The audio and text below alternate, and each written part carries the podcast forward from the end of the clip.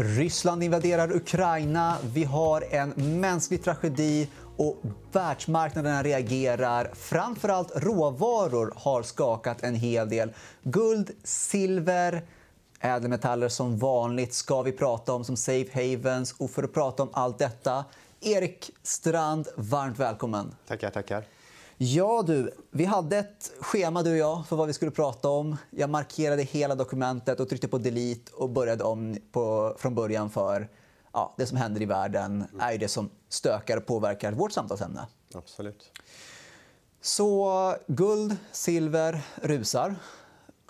Ja, alltså vi har ju en, såklart en stor oro i marknaden över allt vad som händer, förutom själva tragedin i sig så påverkas ju de finansiella marknaderna enormt. Och man ska säga att det är valutor det handlar om nu. Man ser alla de svaga och små ländernas valutor faller och eh, dollarn går starkt och guld då, som den översta valutan av alla valutor går ännu starkare. Och du pratar ofta om att guld och silver är ju någonting man har i oroliga tider. Men samtidigt så finns det ju någonting alltså, säkrare än kronor finns det ju dollar och det som är säkrare än dollar är guld. Så hur stor skillnad är det mot svenska kronor till exempel? Ja, om vi nu ser att eh, guld är upp eh, 2,5-3% i dollar och samtidigt så säger vi att kronan är ner 2% så pratar vi om 4,5 eh, till 5% skillnad då i guldpriset för svenska kronor. Så att det är en ganska stor skillnad. Och alltså, så här är också en klassisk grej. Man har sett att guldet har stigit. Den har haft en ganska positiv trend ett bra tag, men idag så stiger den en hel del. Um, är det för sent att köpa guld? Eller alltså, hur ska man tänka där? Du fattar? Liksom. Ja, precis. Nej, men vad vi brukar säga är ju att det riktiga guldpriset bygger på den monetära inflationen. Så mycket pengar som trycks och skulder som skapas. Ehm, och sen går guld också upp när det blir väldigt oroligt. Om det är handelskrig eller nu då ännu värre krig, då går guld upp. Sen brukar sådana uppgångar oftast komma ner igen när allting lugnar ner sig. Så att, eh, det är ganska skönt i en portfölj att ha guld när allt annat skakar. Eh, men det är egentligen inte de här uppgångarna som vi ser som de långsiktiga, stora och varaktiga uppgångarna i guldpriset. Men skulle vi få någon form av... Eh, ja, att man knoppar av rysk ekonomi från världsekonomin, att det blir en sån här händelse. Hur påverkar det ädelmetallerna? Ja, då får vi kanske en annan påverkan än just på guldpriset. utan Då kommer ju platen och palladium, där Ryssland är en av världens största så att säga, producent av dessa ämnen som vi absolut behöver. Eh, sen har vi oljan, gasen och all, alla andra så att säga, råvaror. Och då, eh, det kommer få en väldigt stor påverkan. och Det kommer bli tufft för de länder som är beroende av råvarorna i Europa. Men du tog upp till exempel palladium, ja. som, eh, där Ryssland är en stor producent. Ja. Vad innebär det? För efterfrågan lär väl vara ungefär densamma. Om Ryssland är en nettoexportör så ja, måste ju det komma från någon annanstans. Ja, nej, och då, då kommer ju priserna så att säga sticka. För då finns det inte tillräckligt mycket om inte så att säga, man får tillgång till... Och de prisuppgångarna såg vi lite när Ryssland höll igen för var det, ett år sedan eller två. När de höll igen och det var strejker i Sydafrika som också är den andra stora producenten. Eh, då sticker priserna och det kommer de ju att göra i så fall.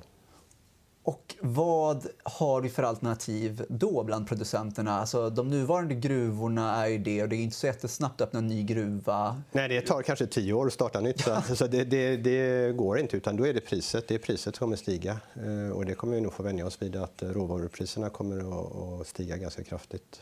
Och nu pratar jag om råvarupriser så pratar vi generellt. Men du sa ju palladium är ju en specifik. Ja, det är ju lite särskilt då de så att säga, som kommer mycket, där Ryssland producerar mycket. Det är de som kommer påverkas mest. Alltså inte, inte kanske bomull och kaffe, alltså, de sortens eh, råvaror, utan det, det är ju metallerna, oljan, gasen.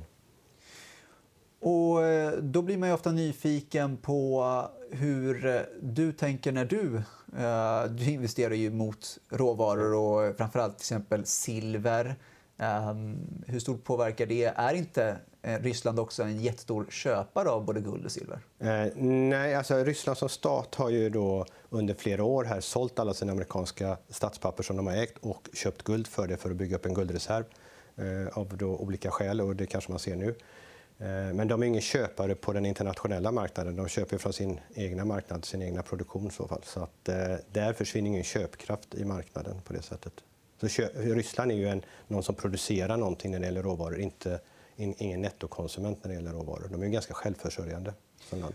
Och om man är småsparare, eh, de allra flesta har ju faktiskt aktier, inte råvaror. Även om du har propagerat för råvaror ganska länge. Och ha råvaror i en komponent kan ju vara lite av en hedge i detta fall. Ibland har det ju inte funkat riktigt som en hedge. Ibland har det varit en sell-off i alla fall i de här tillgångslagen. Eh, hur skulle du komponera om du pratade som till småsparare? Hur, skulle de, hur mycket guld ska man ha i portföljen?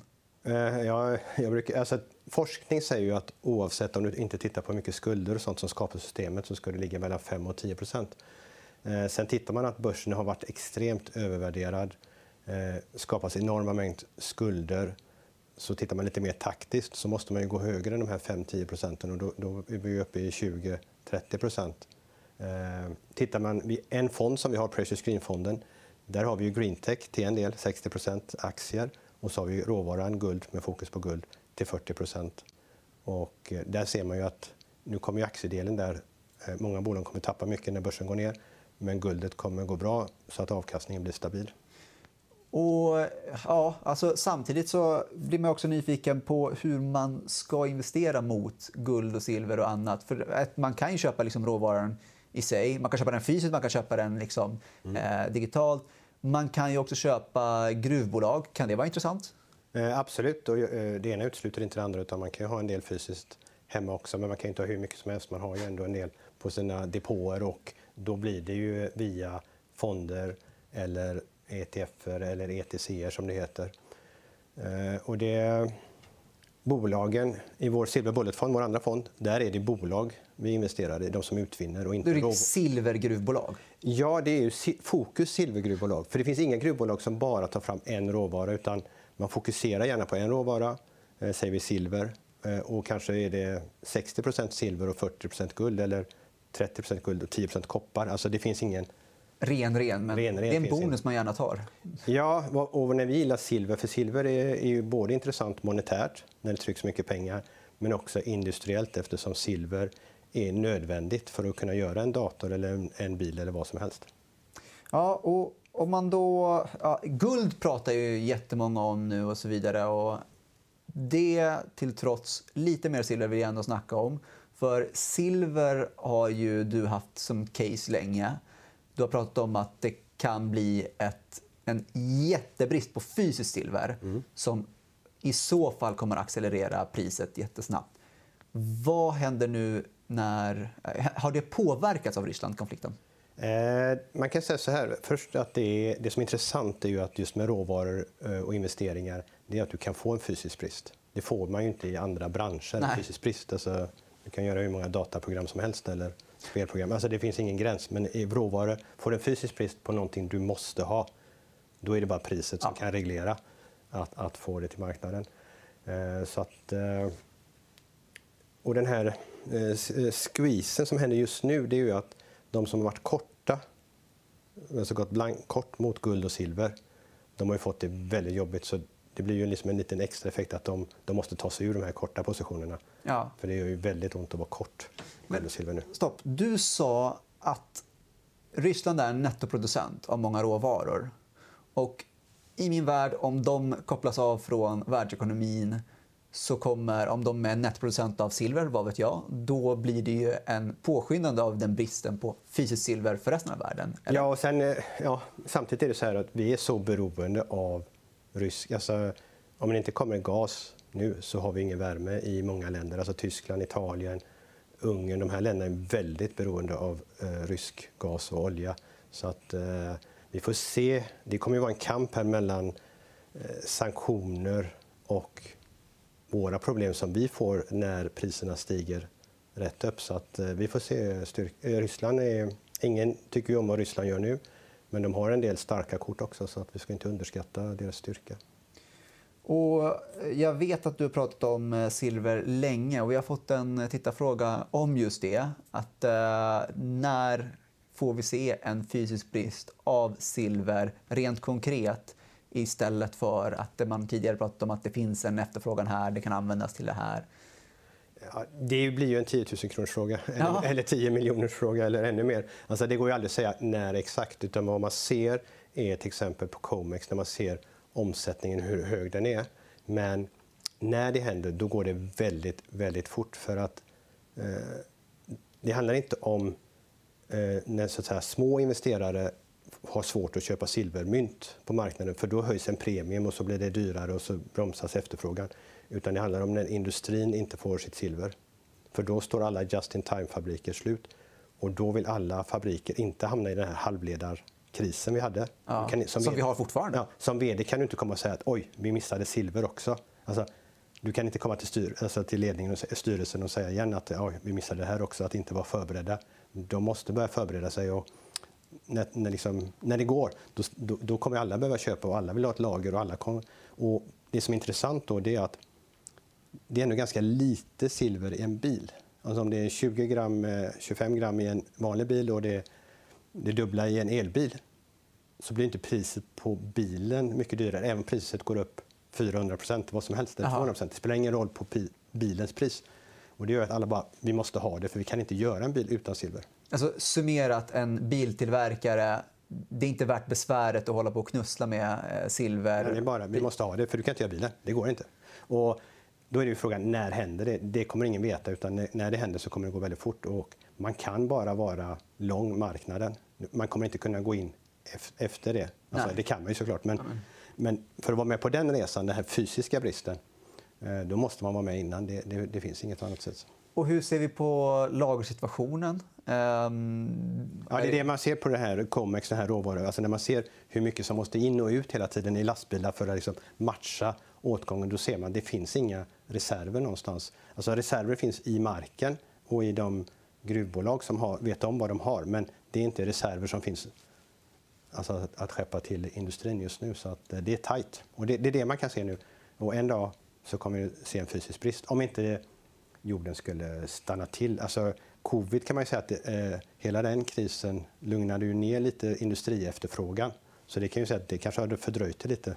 Men när samhället kommer igång på riktigt eh, och leveranserna ska ut och vi behöver våra saker, eh, då ökar efterfrågan och då närmar vi oss den fysiska bristen.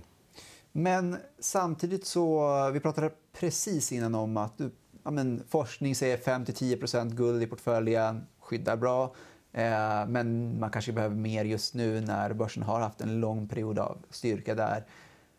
Ska man ha något silver i sin portfölj kontra guld? Ska man byta ut guldet mot silvret då eller ska man ha båda? Eller vad, hur tänker du där? Ja, vi, tänk, ja, vi tänker så här att vi har, vill man ha den försiktiga delen, alltså skydda sin portfölj, då är det guld och råvaran guld. Eh, men tittar man på ädelmetaller och vänta nu, här är ett ganska intressant avkastningsområde. Jag vill ha avkastning eh, primärt och kanske inte just den här tryggheten.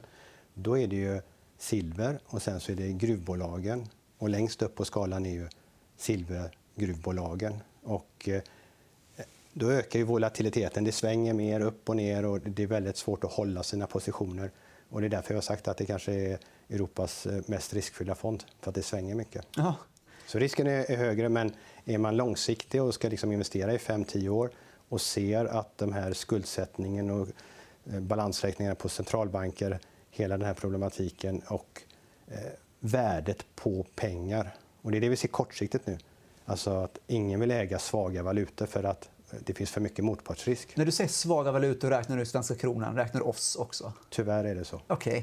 Ja, det, det var vi är ett litet land. Vi har en stabil ekonomi, men vi är ett litet land. Vi har stor skuldsättning i vår befolkning, inte i staten. Men vi är ett litet land. Små valutor är, är svaga. Ja, okej. Okay. Och ändå så måste jag pressa dig på just guldpriset eh, i och med att den har stigit så mycket det finns väl jättemånga som är rädda för att nej men, nu köper jag väl på toppen. Vad talar emot att man, ja, man, även om man är långsiktig, att man inte köpt på en topp? För nu är silverpri, äh, guldpriset på ja, men, nya, nya högsta nivåer. Ja, vi har nya högsta nivåer i nästan alla valutor. Inte i dollar, men i, alltså i kronor, i yen och, och euro eh, är, är det nya all time highs nu, men inte i dollar. Så vi har en, en bra resa kvar tills vi är tillbaka till det all time high eh, som sattes eh, 2020. Då. Så att, och när man går förbi det så är det en lång resa uppåt. Så jag tror långsiktigt är det, inte, är det aldrig fel att köpa nu, även om det gått upp några procent. Det är egentligen ingenting på den resa vi har framför oss. Kortsiktigt, ja, det har gått upp. Eh, kortsiktigt, så när man tittar på den här råvarubörsen i USA, positioneringen bland storbanker, så är det väldigt positivt just nu när det gäller silver. Inte så positivt när det gäller guld, för de har tagit på sig lite kort, stora korta positioner där. Så att eh, eh guld, om vi glömmer det som har hänt nu i, i, med krig och så, så var guld redan lite känsligt. Hur kommer storbankerna försöka agera i marknaden. Eh, så att guld, eh, men sen kommer ju nu det som händer ja, nu, vilket stärker eh, guldpriset såklart, vilket vi ser. Men lite mer risker var det i guldmarknaden. Och om den här konflikten skulle bli en långdragen konflikt, är det någonting, ska man tänka så här, långdragen konflikt, långdragen uppgång för guld eller är det för fel att tänka där? Alltså utifrån ett riskperspektiv så försvinner ju den frågan. Däremot blir ju det här dyrt för alla. Det, är inte bara, det blir inte bara dyrt för eh, Ryssland eller såklart för Ukraina, men alltså det blir dyrt för västerländerna också. Hur, hur, hur eh, kommer vi då börja stimulera ekonomin? För nu blir det en ny kris vi ska hantera med nya krediter, för pengarna finns ju inte och då måste vi trycka dem. Trycker vi med pengar så, så är det klart, eh, guld och silver som du inte kan trycka, då går det ju upp i pris. Okej, okay, och mer stimulanser låter ju i och för sig som positivt för aktier, för det har ju varit det hittills. Ja. Så det finns även hopp där på aktiesidan? Ja, vi, vi hade ju velat se egentligen att man börjar komma igång med räntehöjningen. För tittar man historiskt så när man väl börjar höja räntan så är det ganska bra för ädelmetallerna. Det är inte så bra när man, som det har varit nu att man pratar om att höja. Men det, när räntehöjningscykeln kommer igång historiskt så har det varit bra. Många tror att det är dåligt, men det har historiskt varit bra i de perioderna. Och det hade vi sett fram emot nu i mars, att man kommer igång med en räntehöjningscykel. Nu eh, blir man ju lite mer osäker om de verkligen, hur hårt de kan gå på där och börja höja räntorna för då får vi ju ännu mer problem i, i, i skräp eller high yield-obligationer. I USA har vi redan sett att marknaden darrar om de, får, okay. om de ska börja betala ränta på, på pengarna. Ja, ja, men det, eh, någonstans får det sätta punkt för eh, dagens diskussion.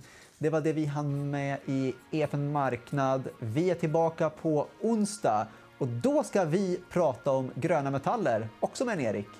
På återseende.